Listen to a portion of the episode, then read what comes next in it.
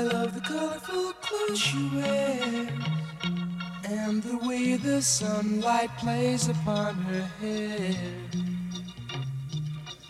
I hear the sound of a gentle wind on the wind that lifts her perfume through the air. I'm picking up good vibrations.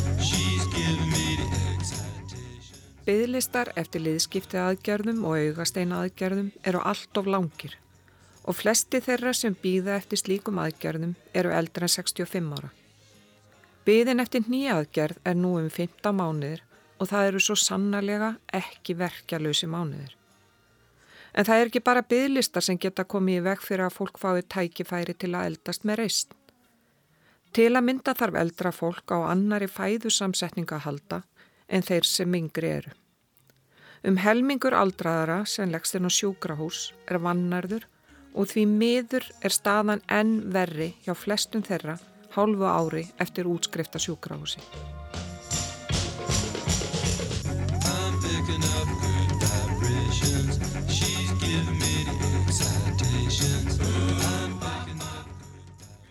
Engin efastu um mikilvægi heilsueflingar og með aukinni áherslu á heilsu og forvarnir er hægt að senka aldusteyndri í hörnun og bæta líðan fólks á efri árum. Meðalæfilengt Karla á Íslandi var í fyrra tæft 81 ár en hvenna rúm 84 ár. Mannfjöldaspár gera ráð fyrir að Ísletingar lifi að jafnaði lengur en nú er og eftir hálfa öld megi gera ráð fyrir að Karlar lifi að meðatali í 85 ár og konur í 89 ár.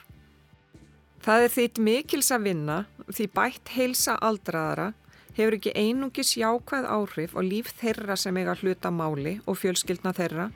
Hún er einnig þjóðhagslega hagkvæm þar sem aldraðir geta búið lengur heima án stuðnings og þurfa síður á þjónustu heilbreyðiskerfisins að halda. Sæl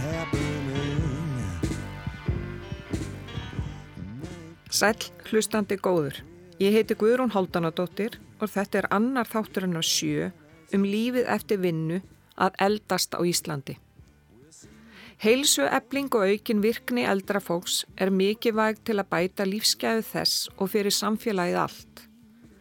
Mikill meiri hluti aldraðara telur líkamlega heilsu sína góða og hefur sama á viðum andlega líðan. Flestir kannast ekki við að vera einmanna og þurfi þeir aðstóði í daglegu lífi þá er það nánasta fjölskylda sem grýpur inn í.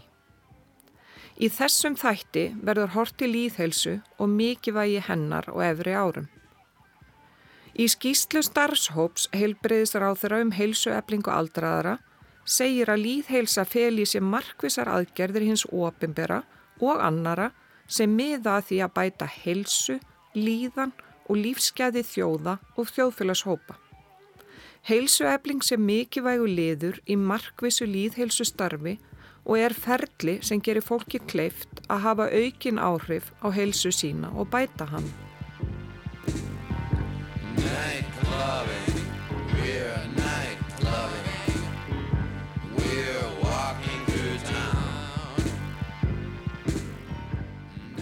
Gert er ráð fyrir að gerfiliða aðgerðum fjölgi mjög á næstu árum, ekki bara hér á landi heldur út um allan heim.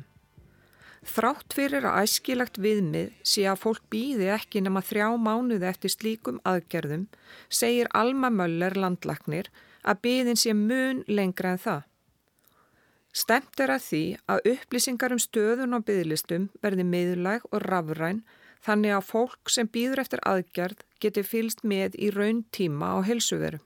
Miðlægi listin er eiginlega tilbúin og síðan er þetta næsta verkefna að skoða helsuveru en byðin hefur lengst svona í, í, í tengslum við faraldurinn og við munum í fyrstu bylgu þá þurfti að loka fyrir valkvaða þjónustu að því að við réðum ekki við bæði að sinna COVID og, og, og þetta þurftum að forgámsraða bráða þjónustu.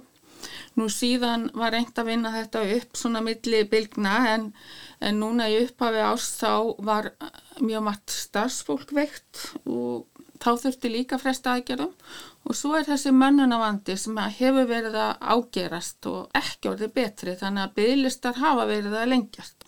Ef við byrjum á að tala um gerfilega aðgerð á mjöðum þá býða núna um 630 manns eftir aðgerð og þeim hefur heldur fjölgað frá því upphafi ás og yfir 80% er að býða lengur en þrýr mánuður en það er viðmið sem ennbætti landlæknis hefur gefið út. Við viljum að fólk um, megin þorri sjúklinga komist í aðgerð innan þryggja mánuð eftir að hún er ákveðin. Þannig að byggtíminn, það skiptir líka miklu mála að tala um byggð tíman því að það geta mjög margi verið að býða og ef það eru gerða margar að gera á dag þá er kannski byggð tími stuttur. Þannig að það er það sem að skipti máli fyrir fólk og hann er svona óbreyttur það sem aðver ári og eru 29 vikur eða um 7 mánuði núna á, á landsbytala heldur stittri á sjúkrásuna Akureyri og Akranesi.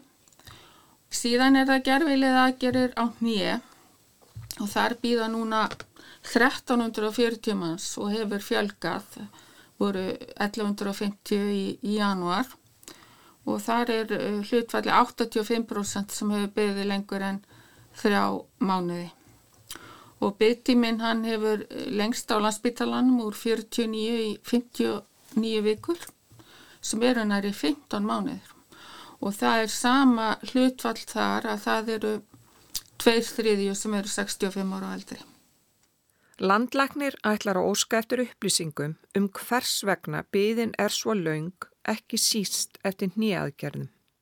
Ég mun uh, kalla bara eftir formlegum upplýsingum frá landsbytala um það en mér skilst að auðvitað er alltaf einstaklingsbundi mat sem ræður hver er tekið næst í aðgerð og almennt er fólk sem er með slitgitt í mjöðum með meiri verki heldur en þeir sem eru með slitgitt í nýja. Síðan er líka að eftirspurna eftir aðgjörma hnið að hún eikst hlutvalslega meira heldur en eftir mjöðum og síðan er það endur aðgerðir sem að taka mikinn tíma að þær eru algengari líka á mjöðum að því að við erum búin að gera þær aðgerði lengur. Já. Já. En, en er þetta, þetta er náttúrulega langt umfram það sem að markmiðið er.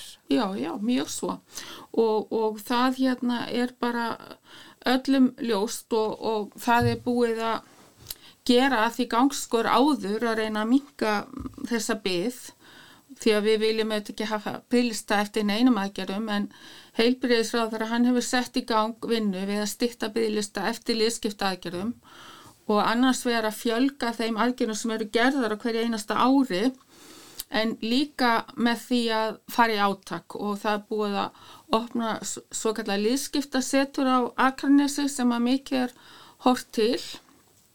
En flöskuhálsin er auðvitað mest mannskapur að, að okkur vantar mannskap viðast hvar í heilbriðskerfið og svo hefur líka aðgengi að skurstofum verið of lítið því að eins og við vitum að þá er húsnæði landsbytala orðið ófullnægandi fyrir nokkru síðan og það sem skiptir líka mjög miklu máli það er að reyna að skipulegja starfsmið þannig að bráða aðgerðir og svona aðgerðir eins og lífskipta aðgerðir stangist ekki á. Það hefur verið þannig að, að ef að koma marga bráða aðgerðir þá hafa það ítt hinnum til, til hliðar og það eru þetta ekki gott og síðan væri þetta hægt að að fela engaðilum að gera fleiri aðgerðum en það eru auðvitað ákvörðun sjúkratrygginga og, og heilbriðs á þeirra.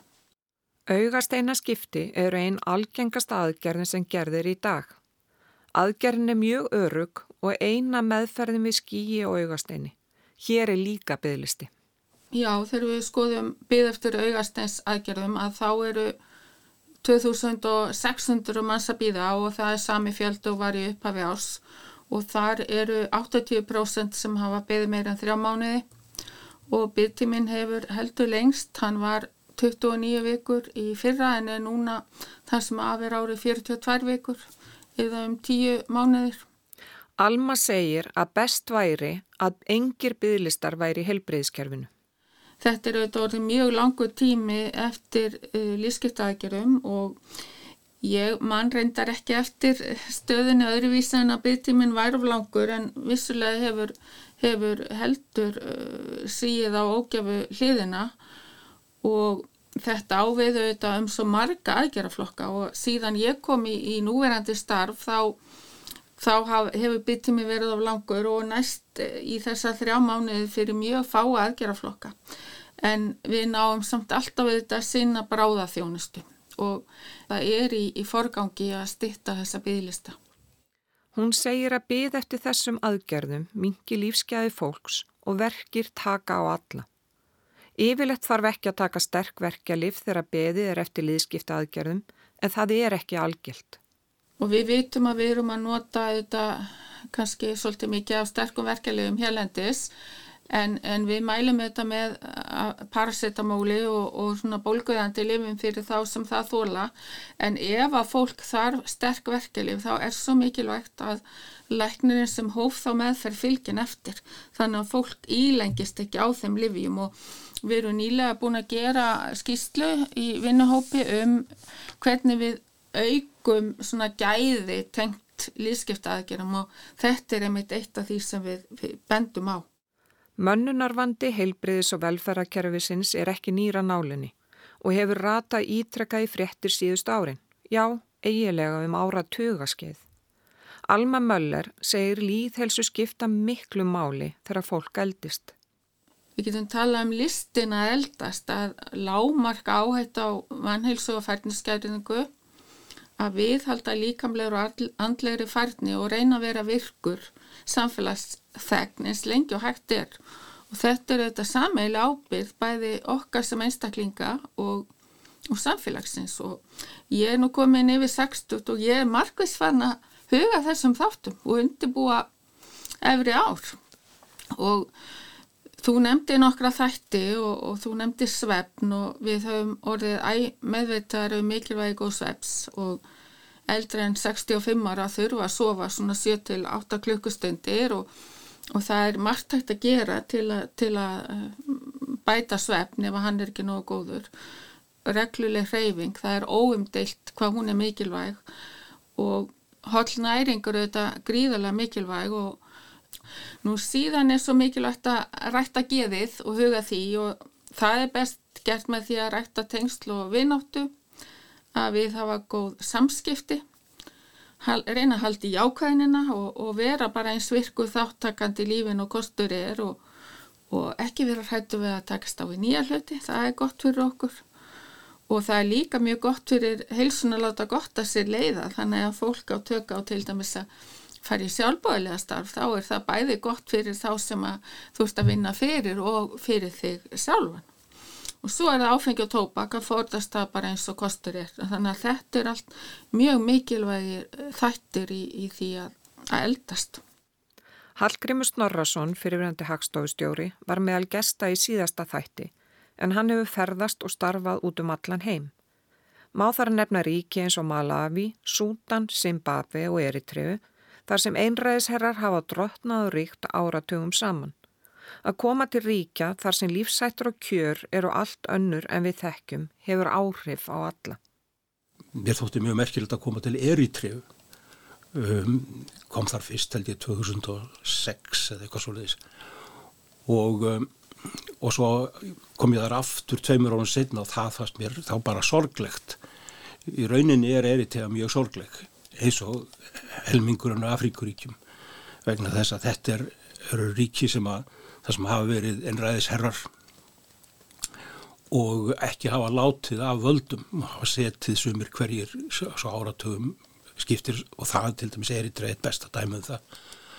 Og Sákall hann lokaði nálast landinu þarna einhver tíman í kringum 2006-07 og hætti að þykja uh, til dæmis uh, eh, aðstóð frá, frá saminuð þjóðunum og, og öðrum alþjóðastofnunum mér verður á stundum hugsa til þess að, að þegar ég var stúdent í Svíþjóð þá var verið að betla peninga fyrir uh, hjálparsamtök og frelsisamtök og svoleiðis og það var svona pólitík í þessu.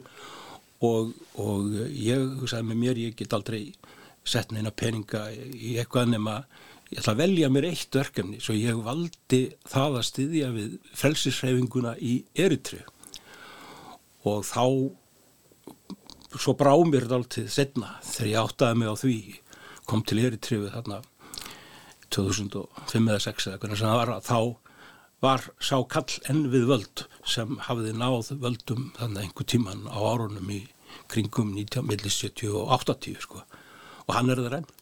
Já, þið er sannlega ekki grunna það þegar þú fórst að stiðja frelsisröfingu. Nei, það, það, það, það gerði ekki sko og þetta er náttúrulega hörmungarsaga Afríku er, er, er mikið svona einræðisherrar sem ekki fara og það er, er, særlega, það er hérna mikil syndum. Akkurat, við erum náttúrulega þekkju það einmitt með Zimbabwe. Zimbabwe er eitt dæmið sko, það eru mörgunu dæmi, Uganda dæmi og, og, og svona, svo sýtja nú þessi kallarbísna lengi víða sko. En hefur þetta ekki breytt þér sem mannesku að, að vinna á svona fjarlægum slóðum? Ég veit það ekki, það er náttúrulega ekki tækt að vinna á svona stöðum öðruvísi heldur en að vera með bísna opnum huga og, og vera bísna sveianlegur. Það þýðir nú ekkit að vera allt á kategórikur í, í, í, í sinni nálgun að við fangsefnum og því líku og verður að haga bísna mikið seglum eftir vindi þetta hefur verið mikið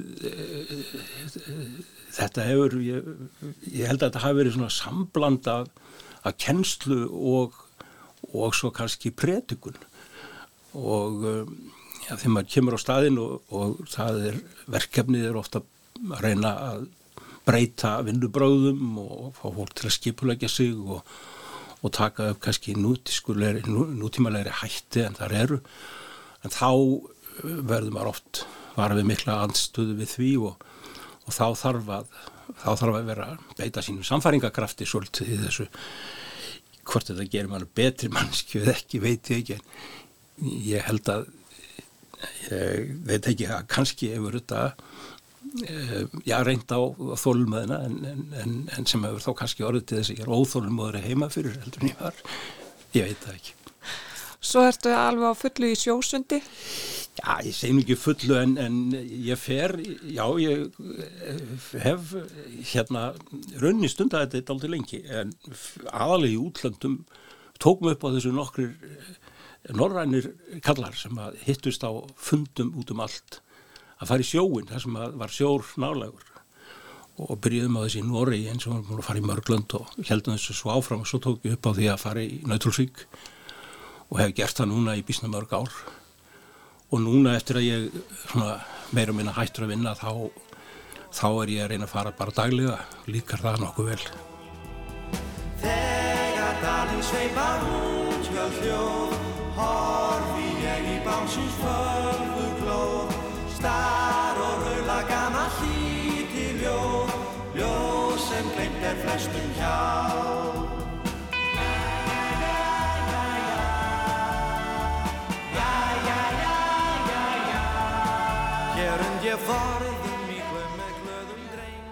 Að eldast með reist þýður að eiga gott og gefandi líf alla æfi, helst í sjálfstæðri búsetu, segir Ólöf Guðni Gerstóttir, profesor í næringafræði. Ólöf hefur helga sinn vísindaferil rannsóknum á heilsu aldraðara og hvernig er hægt að koma í vekk fyrir færnistap þessa hóps með lífstilþáttum eins og mat, næringu og reyfingu. Ólöf segir að fólk verða að hugsa um hvað það lætur ofan í sig alla æfi, ekki bara byrja að velta því fyrir sér á miðjum aldri. Við þurfum í rauninu að hugsa næringunni bara frá upphafi og ég minna ef við byrjum strax vel að borða og vel, bara hugsa vel um líka mann alla æfi þá eigum við svona góðan lager af heilsu þegar bara lengi, lengi, lengi. En auðvitað það er aldrei ósengt að laga það sem aflega er eða bæta lífstilinn, passa upp á matinn og það er svo flott í aður að segja sko frá miðjum aldri því við gleymum okkur um miðjan aldri, þetta er svona tínda kynnslóðin, það er svo fyndið að, að við hugsun svo lítið um þessi ár frá 2060 það sem allt er að gerast, við eignum spötn, við erum í karriér, við erum að læra, við erum, við erum að gera alls konar. Og það gleymist svo ofta að hugsa um okkur. Við erum að hugsa um börnin, við erum að hugsa um fóraldurinn okkar en hérna við gleymum því að við þurfum fyrst og fremst líka tryggja það að við eigum góð æfjár. Maður sér það svo ofta að þeirra svona aðeins hægjast um, svona upp úr 50 að þá fyrir fólk að þessu, já, ég ætla að vera að mæti ræktina, ég ætla að fara að hlaupa. Og veist, er kannski ekki búin að gera neitt í 30 ár. Auðvitað er það ekki á seint en það verður miklu betri ef við myndum hugsa um okkur alltaf. Já, og fara kannski rólega af stað Já, það er reynda sko þetta smá vandamál með Íslendinga að við erum svona on-off við annarkvort erum bara í sofunum eða hlaupum fjöll og fyrnindi alla daga. En allt er betur en ekkert. Bara fara út. Jáfnvel sko stund þar maður bara byrjaði að taka stegana Í ráðleggingum en bættis landlæknis um mataræði eldra fólks kemur fram að næringaþörfin breytist með hækkandi aldri. Orkuþörfin minkar flestir hugsa sko þegar maður eldist að reyma sér minna, maður þur, þurfi minna. Jú, maður þarf minni orka því maður er að reyfa sér minna með minni vöðamassa og, og þess áttar en síðan að kemur á móti að uh, við þurfum jafn mikið að vítaminum og steinafnum og það sem meira er að við þurfum meira dívitamini, við þurfum meira prótinum þannig að við þurfum í raunin að vanda okkur miklu meira með matin og passa okkur. Og svo líka bara er um orðin eldri þannig að við þurfum að sinna honum miklu betur. Við, við kannski munum eftir við erum ung og hérna gátum skemmt okkur fram eftir rauðum orðni og mætt síðan bara hressi minnuna. Það gerist ekki þegar maður er eldri og saman geldur um matin ef við bara sinnum okkur ekki erum svolítið svona að ekki að borða þannig okkur líði vel að þá erum svolítið lengi jafn okkur Helmingur aldraðara sem lagður er inn á landspítalan eru vannærðir. Þetta sína tölur fór spítalanum. Ólöf segir að vannæring sé algeng meðal eldra fólks. Þetta er svo sorglega algengt og ég búin, held ég sé búin að tala um þetta í tíu ár og hérna það er lítið breyst. Berglind Blöndal, doktorsnemi næringafræði, hefur rannsaka næringu eldra fólks lengi eða allt frá því hún var í meistaranámi en lokaverkefni hennar var rannsók meðal eldra fólks sem var útskrifað af öldrunadeildum landsbítalans. Saga þeirra var skráð frá því fyrir útskrift, svo sem þingd og vöðamassi og næstu vikur eftir komuna heim. Niðurstaðan var að fæðu öryggi þeirra var mjög lélegt. Þessi hópur léttist um eitt kíló í hverju viku og það var rauninu bara léttast um reyna vöða. Ólef segir að niðurstöðunar hafi verið gaggrindar að hópurum væri kvorki næjanlega stór nýje fjölbrettur. Við vorum kannski ekki alveg sammála. Þannig að við uh, fengum stóran, stóran styrk. Uh, það sem að fyrsta lagi þá sáum við það að alveg sama hversu frábæra næringafræðing við myndum hafa til þess að vera með fræðslu eða fæðu eru ekki aldrei þeir eru ekki í lagi það skiptir hengum máli. Það er alveg sem hvað þú vilt geta gertu vel varðandi matiðinn ef að það er ekki til nægilega mikil matur heima hjá þér.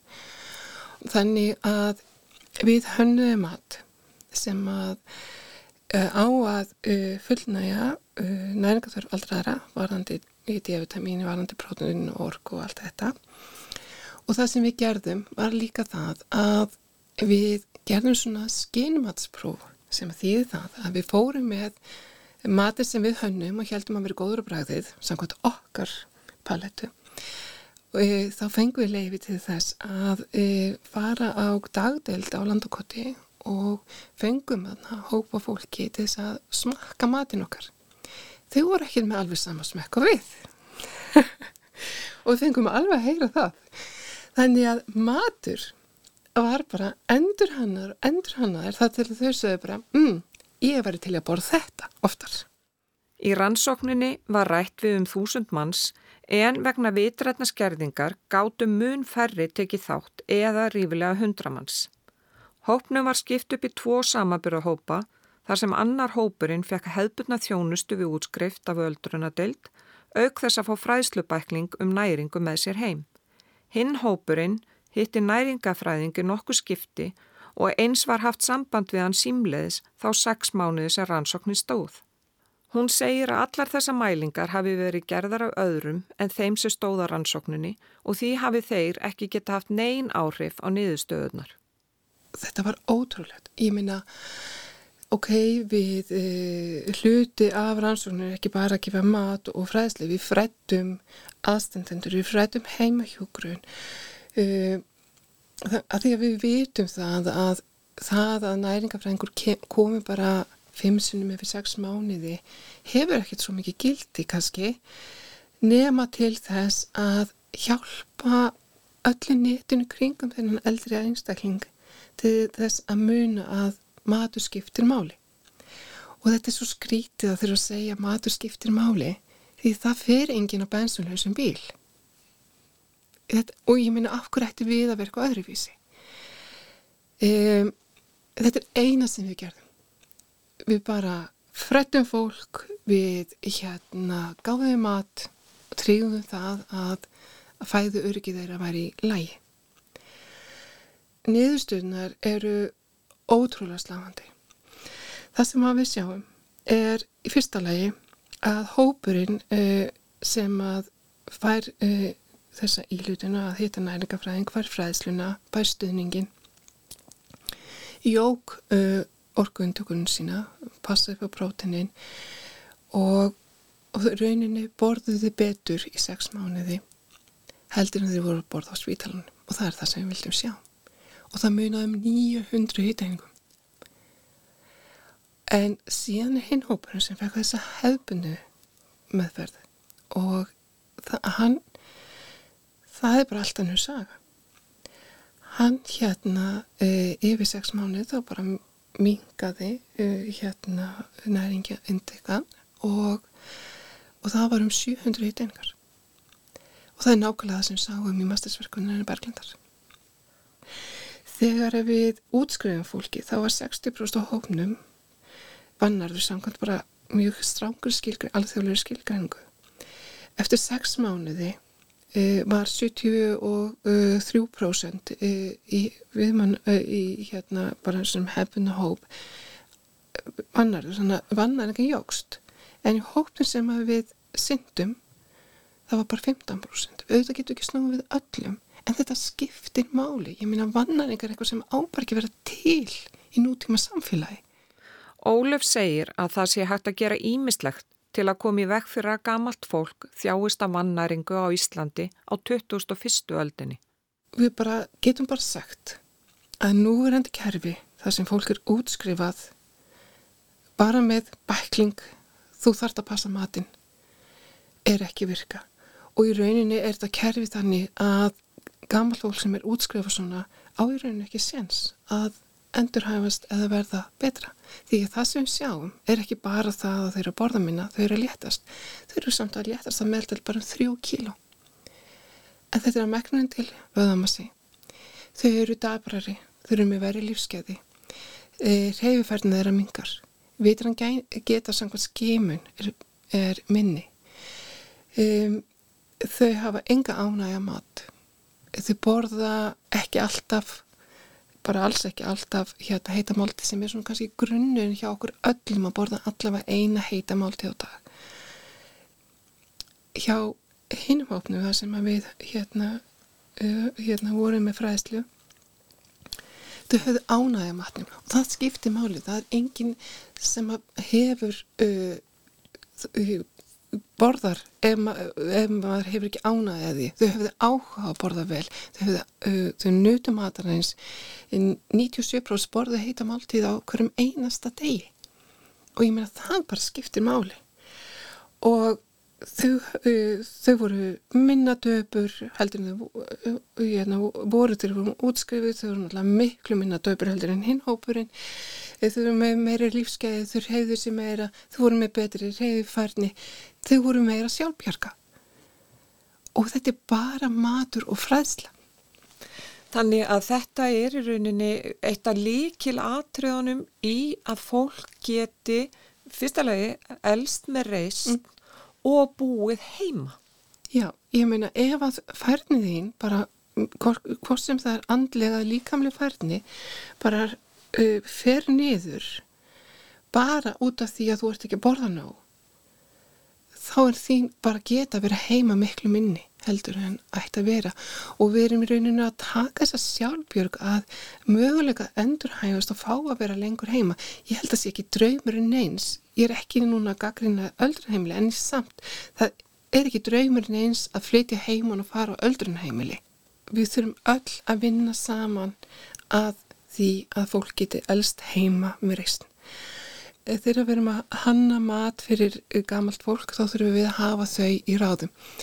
E, það sem að mér finnst ótrúlega skrítið er að við erum með gamalt fólk sem er vannart og það hefur ekki réttindi til þess að fá til dæmis næringadrykki niðugræta heim. Þetta er mjög dýrt en það er enþá dýrara að þau pendli endalust einn á spítalan að þau þau eru að detta að því að uh, þeim líður illa uh, þau eru bara orðin sinnulegs ég meina það er það sem gerir sem maður er vannarður að maður verður bara sinnulegs að maður hefur ekki orku eitt eða neitt.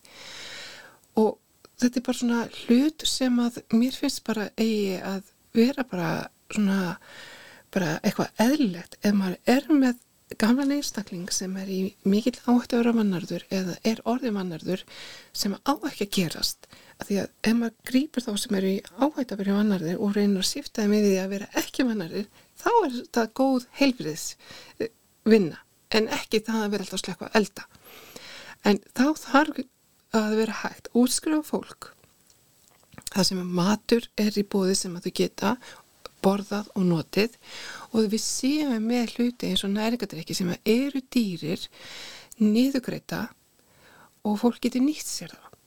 Að því næringadrykkir eru settið saman meða við þarfir annarkort aldraðara eða sjúkra, e, sjú, sjúkra einstaklinga. Bjargráð eru rúslega lítill og ef að við bjóðum ekki upp á að það sé miskust einhver bjargrað ef fólk ræði hvort að þau nýttu sér þau ekki þá hefur einhvern veginn svo lítinn séns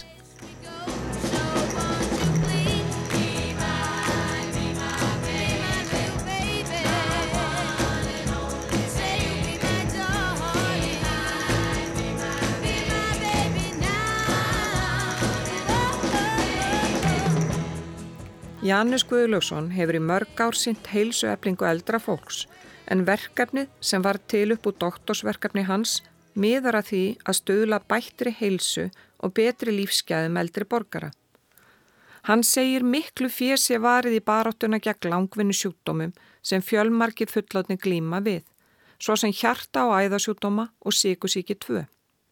Í þessu er náttúrulega gríðalög kostnæður sem fest í viðgerðum og 98,4% af heilbriðisútgjöldum það er fara í viðgerðir. Og en semst lækna og svona ég kalla þetta lækna á hjókunarleiðin sem á algjörlega rétt á sér en það er spurning getur við snúið aðeins undir ofan að þessu? Að því við erum með heilbriðiskerfi sem byggtur upp á miða síðustöld og það á ekkert við í dag. Það verður í rauninni að koma á breytingu að því að það er aðeins 1,6% af heilbriðisútgjöldum sem fara í heilsutengdar forvarnir. Janus segir að mikil verðmæti séu fólkin í því að bæta heilsu eldra fólks. Og þetta verða sko ráðherrar og, og þeir sem með ráðherrunum vinna einbætismennir er að fara að átta sig á. Og ég horfi kannski stundum á þetta sem þetta er bara eins og þjálfun og þjálfari og því viljum er heilbyrjusað þeirra sko að þekkina þjálfarastarfið. Og stundum eru þjálfarinnir látni fara eða standa sig ekki. En það þýðir ekki að reka líðið að því að við líðurinn í landinu líðið en það má kannski reyfa liti við embætismennunum að því að það er kannski þeir, eru þeir uh, sko tappin í flöskunni sem, sem fær ekki kom við komum ekki á breytingu vegna embætismannana. Hann segir mikið vakt að ríkið og sveitafélög taki þátti að viðhalda heilbreyði því til lengri tíma litið eru fyrirbyggjandi aðgerðir á heilsu, mun ódýrari og áhrifaríkari nálgun til bættra líðhelsu. Nýveri gaf OECD út skýslu um heilsueflingaverkarni Janusar en stopnuninn valdi verkefni sem það besta af þessum toga innan aðaldaríkjana. Í skýslunni er sínt fram á að ávinningurinn er bæði heilsufarslegur fyrir eldra fólk og fjárhastlegur fyrir hið opibera því hver króna sem rennur í heilsutengda forvarnir skila sér fjórtónfald tilbaka. Þetta segir Janus að stjórnmála menn mættu hafi í huga. Þetta er í rauninni líkill að því að hið ofinbera, bæði ríki og sveitafélag, nái að svara þeim vanda sem helbriðiskerfi býr við í dag. Til þess að styrkja þessa nálguna einhverjum toga og ég er nú þeirra skoðunar það þurfti að koma upp sjóði þar sem sveitafélagin geti sótt í. Það er til svo kallar framkvæmda sjóður aldrara fyrir sem þangar rennur inn það fer út yfirleitt í byggingar og það þurfti að vera svæðið að sjóður það sem fer sem hægt er að sækja þá fyrir sveitafélagin og þeir geta þá ráðið til sín eistaklinga eða hópa eða eins og okkur eða fleiri til þess að sinna helsutengtum forvöldum að þessum tóa. En ég vil nú taka það sérstaklega fram að þá þarf þessi, þetta ferðli að vera akademist og, og hérna raunprófanlegt. Þú, þú verður eiginlega að geta sínt fram á það að, að, að þetta er að borga sig. Mælingar Janusar og samstagsfólks hans sína að þegar að kemur að líðan og heilsu eldra fólks skiptir félagskapurinn miklu. Það er nú aðeins gaman að nefna það að það er að hittast hjá okkur einstaklingar sem hafi ekki hist í 50-60 ár hittast aftur í íþróttahúsinu eða, eða heilsuræktinni hafa verið saman í barnaskóla fyrir löngu síðan og þetta gefur líka einstaklingum sem eru nýlega hættir eða farnir að vinnumarkaði eh, ákveðin fasta sess í þeirra daglega lífi hitta félagana, mæta á æfingu og það er ekkit síður félagskapurinn sem er eitthvað til að sækjast eftir en, en helsa eða kraftur eða annað í þeimtur þannig að þetta hangir mjög vel, mjög vel saman við félagslega þörf einstaklinga ekkit síður með hækkandi aldri. Janus er sennilega flestu íþrótt áhuga fólki kunnur enda landsleismadur bæði í knaspinu og handbolta á sínu tíma. Hann var atvinnumæður í knaspinu um árabill en Janus var 67 ára fyrir stuttu og er kvorki hættur að vinna nýja að hreyfa sig. Já, ég er einn að halda, ég er einn að halda yfir mína skjólstæðinga að þáttakendur með dæliru hreyfing og, og styrkingu tvisar í vengu. Það er nú kannski nokkuð gaman frá því að segja að ég er nýkomin úr jólatur, eh, ellendis af Ísu, baki liggja núna eftir viku, já, sex daga í hjólatur 400 kilometrar þar sem við hjóluðum frá landamærum Östuríkis og við Ítali og neðu Týról og svona um 60-70 kilometrar á, á, á hverjum degi þannig að þetta var ánæg, ánæg, ánægilegt og við vorum öll á þessu aldri, við vorum tveir orðni 67 og tveir að verða 67 en þetta gekk bara mjög vel Spilaru knaspindu enn? Nei, ég ákvaða að vera virðingu fyrir liðunum og spilaði körfu aðeins og, en fer svona aðeins í mýgri íþróttir og fyrst árið ágætt að spila golf en einnig að fara í göngutúra og, og lifta lóðum, það er bara ágættist reyfing sko. Gunnar er gott dæmi um áhrif reyfingar og heilsu far eldrafólks en hann býr í Reykjanesbæ og er á týraðisaldri. Gunnar veitti Janusi góðfúslegt leifi til að segja hlustandum rásar eitt sögu hans en það niðurstöðunar einstakar. Heyrum sögu Gunnars. Hann var búin að vera hjá okkur í og hálft ár.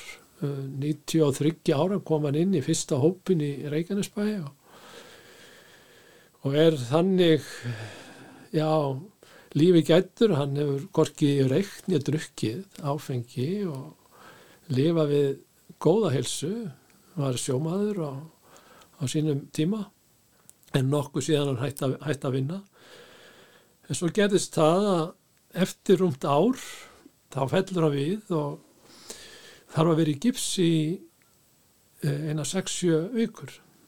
Við mælum hann um leið og hann gipsið er tekið á hann og þá hitti akkurat svo á að við vorum með þessar fjóruðu mælingu hjá okkur þá kemur bara í ljós að, að vöðvarýrnurinn á þessum tíma er um 2,5 kíló og það er ekki gott fyrir einstakling á háum aldri að, að tapa vöðamassa svo ég leifi mér nú að spyrja Gunnar og horfi svona í augun á honum og segi Gunnar minn, eh, finnst þér þetta kannski komið gott, viltu kannski fara að draga það aðeins tilbaka úr þjálfuninni? Og þá fæ ég slæmt augnaráð og hann segir nei góðurinn, ég er bara rétt að byrja, viltu gera svo vel og lega mér að vera áfram.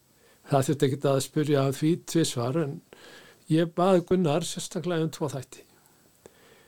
Í fyrsta lagi að halda reyfinguna áfram og ég vil að bæta við sig þriðju dundinni eða þriðja þjálfunar tímanum í styrk í viku og að reyna að tengja styrtaþjálfununa við prótinríka næringu þar að segja að sem fyrst eftir hann væri búið með styrtaþjálfunina að þá fengja sér fisk eða kjöt eða eitthvað prótinríkt, bönir eða egg og síld eða eitthvað í þeim dúr til þess að uppfylla þörf líkamáls á að byggja upp öðamassa og það kallar á próteinríkt fæði.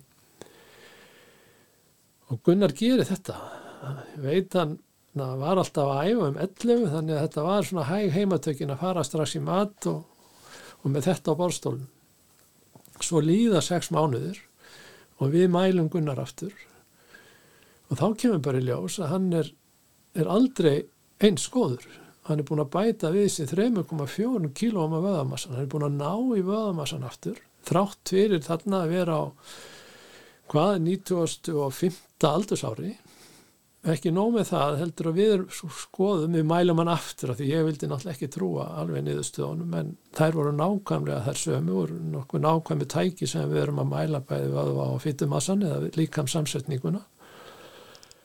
En svo skoðum við líka fytumassan og þar sjáum við að hann er í neðstu hæðum hann er búin að tapa þó nokkuð mátti alveg við því að, að, að minga sinn fytumassa sem við að þá ekki að þælast fyrir hjarta og æðakerfinu um eina 2,3 kíló þannig að niðurstöðnar og hann er í raunin að sína það að þrátt fyrir háan aldur þá má breyta líkamsamsetningunni okkur í hag með markvissi þjálfun og nú verði ég að endur taka og markvissi næringu. Gunnar er 99 ár í dag og, og er enna æfa á sama stað tvísfæri viku og, og, og heldur því og gengur einhverlega auðan dýra.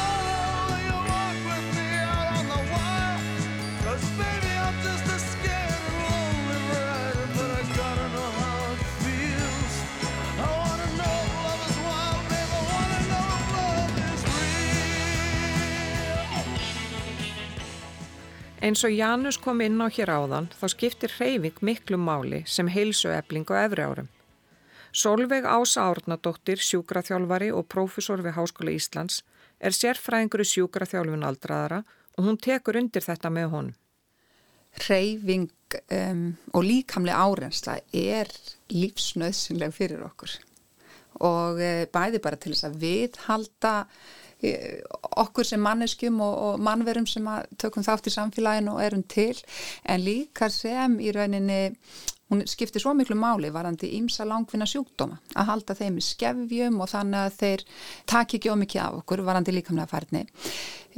Það eru mjög margi sem að vilja reyfa sig en það er áskorum fyrir ímsa að finna tíma til þess að koma sér af stað. Hjá mörgum þá opnast það ekki færi þegar þeir hægt að vinna Þannig að ég myndi vilja hvetja þá sem að standa frammi fyrir því að vera stíðun og eftirlauna aldurinn að hugsa virkilega um það hvernig þeir geta nýtt tíman meðal annars til þess að halda sér virkum og, og reyna á sig. Og það er svona þrend þar sem að er eh, svona þekkt sem er mikilvægt fyrir fólk að bara vita af sjálft hvað skiptir máli varandi það að koma sér í gang og halda sér í gangi. Að það er náttúrulega bara einstaklingurinn sjálfur. Eh, fólk hefur mismunandi trú á sér þegar kemur að líkalmeri reyfingu og þeir sem eru vanir að reyfa sig þeir eiga auðveldara með að stíga inn í ímist tilbóð sem er út í samfélaginu um leikfimi og alls konar reyfi hópa en fyrir aðra sem eru óvanir þeir þurfa oft pepp og stuðning til þess að koma sér af stað. Það sem skiptir líka máli það er náttúrulega er hvað er í bóði, hvernig reyfing er í bóði það er misant hvernig hún hendar tímanum okkar og, og okkur sem personum í rauninni. Og þar komum við líka inn á það hvort að við viljum sækja í hópa eða viljum vera einn það hendar sumum líka að í rauninni vera einir. Og síðast en ekki síst sem er líka mikilvægt fyrir alla átt að sjá er hvað umhverfið hefur mikil áhrif að það hvort að við erum tilbúin í að reyfa okkur. Og það er í bæða að tala um það sko að það sé til viðegandi aðstafa til þess að reyfa svo ekki síst skjól frá veður og vindum hér á landinu okkar en líka bara viðhorf í samfélaginu til þess að eldra fólk reyfi sig. Okkur þykir það eðlilegasti hlutur það sé ekkit, ekkit sérstakt við það að einstaklingur á týraðisaldri sé til dæmis í líkamsræktinni að lifta lóðum. Það skiptir máli. Heilsa fólk sem í augmissum. Sumir eru með undirlikjandi sjúkdóma og meðan aðri reyfa sér daglega og þörfin fyrir aðstóð sjúkratjálfara því ólík og mismikil. Í fyrsta lagi má segja að eh, ef þú fer til sjúkratjálfara vegna þess að það er einhver ákveðin undir undirliggjandi sjúkdómur til dæmis eða afleðinga sjúkdóms í gangi að þá í rauninni færðu einstaklingsmiða nálgun þar að segja að það eru mismunandi leiðir eftir því hvað er í gangi hjá þér sem að miða staði að, að vinna því að byggja upp líkamann og færnina. Hins vegar eru sjúkarþjálfara líka að bjóða upp á um, hópþjálfun sem að virkar þá meira fyrir breyðar í hópa. Þar sem er ekki kannski alveg nákvæmlega verið að fókusera á hvað er í gangi hjá hverjum einum einstakling heldur verið að meta meira hreyfifærni, hvernig styrkurinn er, hvernig jafnvægið er úthaldi og þess áttar og bjóður upp á þannig nálgun í hópi. Þannig að það er svona kannski fyrir þá sem að eru aðeins frískari og svo að sjálfsögðu þá takar sjúkriðþjálfur líka þátt í svona almennri líðhelsu nálgun í rauninni með fræðslu og stöðningi fyrir þá sem eru sprækastir. Og sjúkraþjálfun getur líka lengt þann tíma sem fólk getur búið heima og elst með reist í sínu umhverfi. Svo sannarlega. Og það er fjöldi rannsóknar sem að stiður það hversu mikilvægt það er að, að bregðast við sem fyrst og að einstaklingar fáist þann stuðning sem þarf til þess að geta viðhaldið reyfi getunu sinni. Og eins og þú einmitt segir svo vel þetta með eldast með reist og geta haldið áfram að gera hluti sem að maður vil gera og tekið þátt í lífinu All the leaves are brown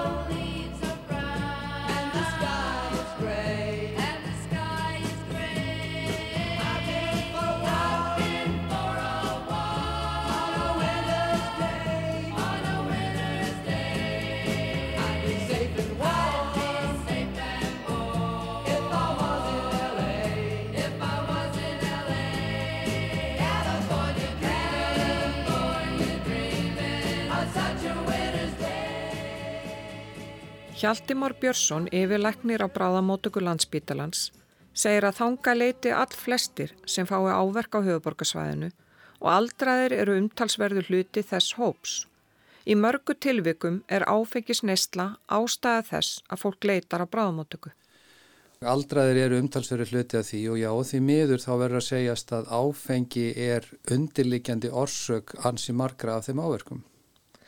Og er það þá að fólk er að drekka miklu meira en það ræður við?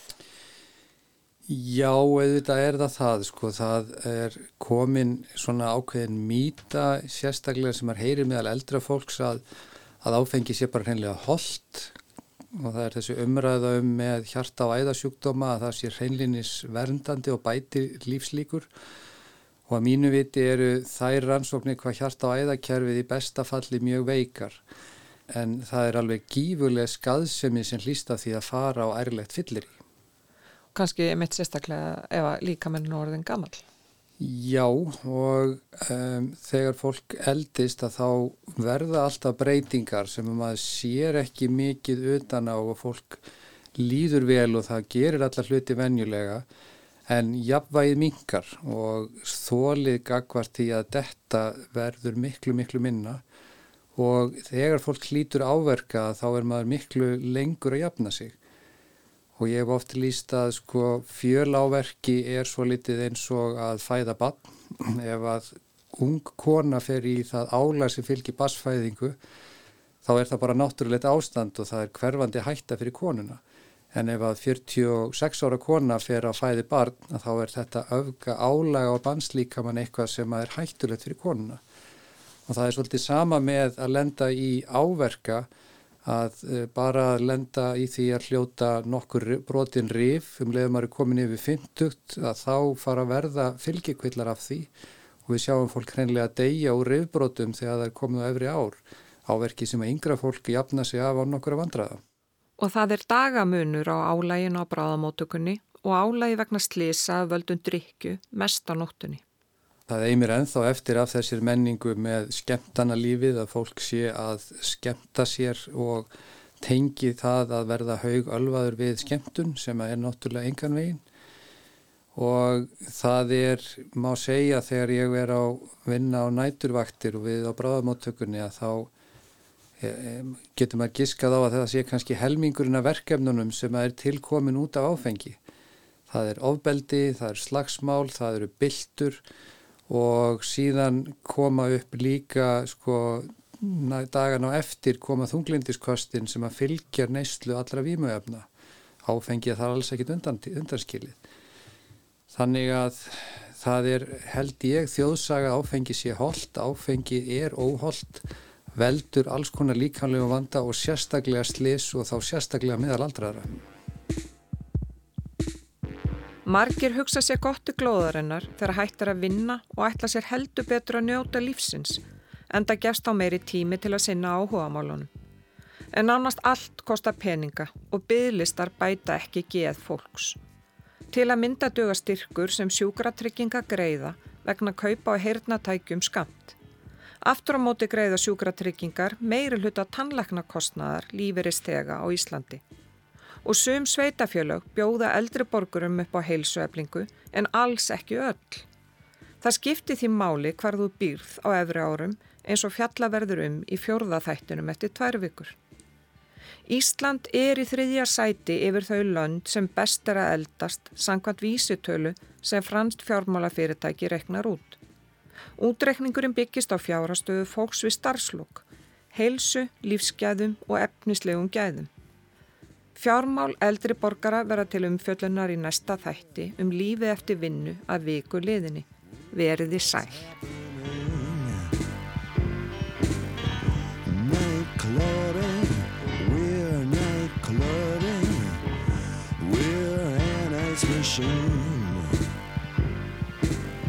We'll see people, brand new people There's something to see clubbing.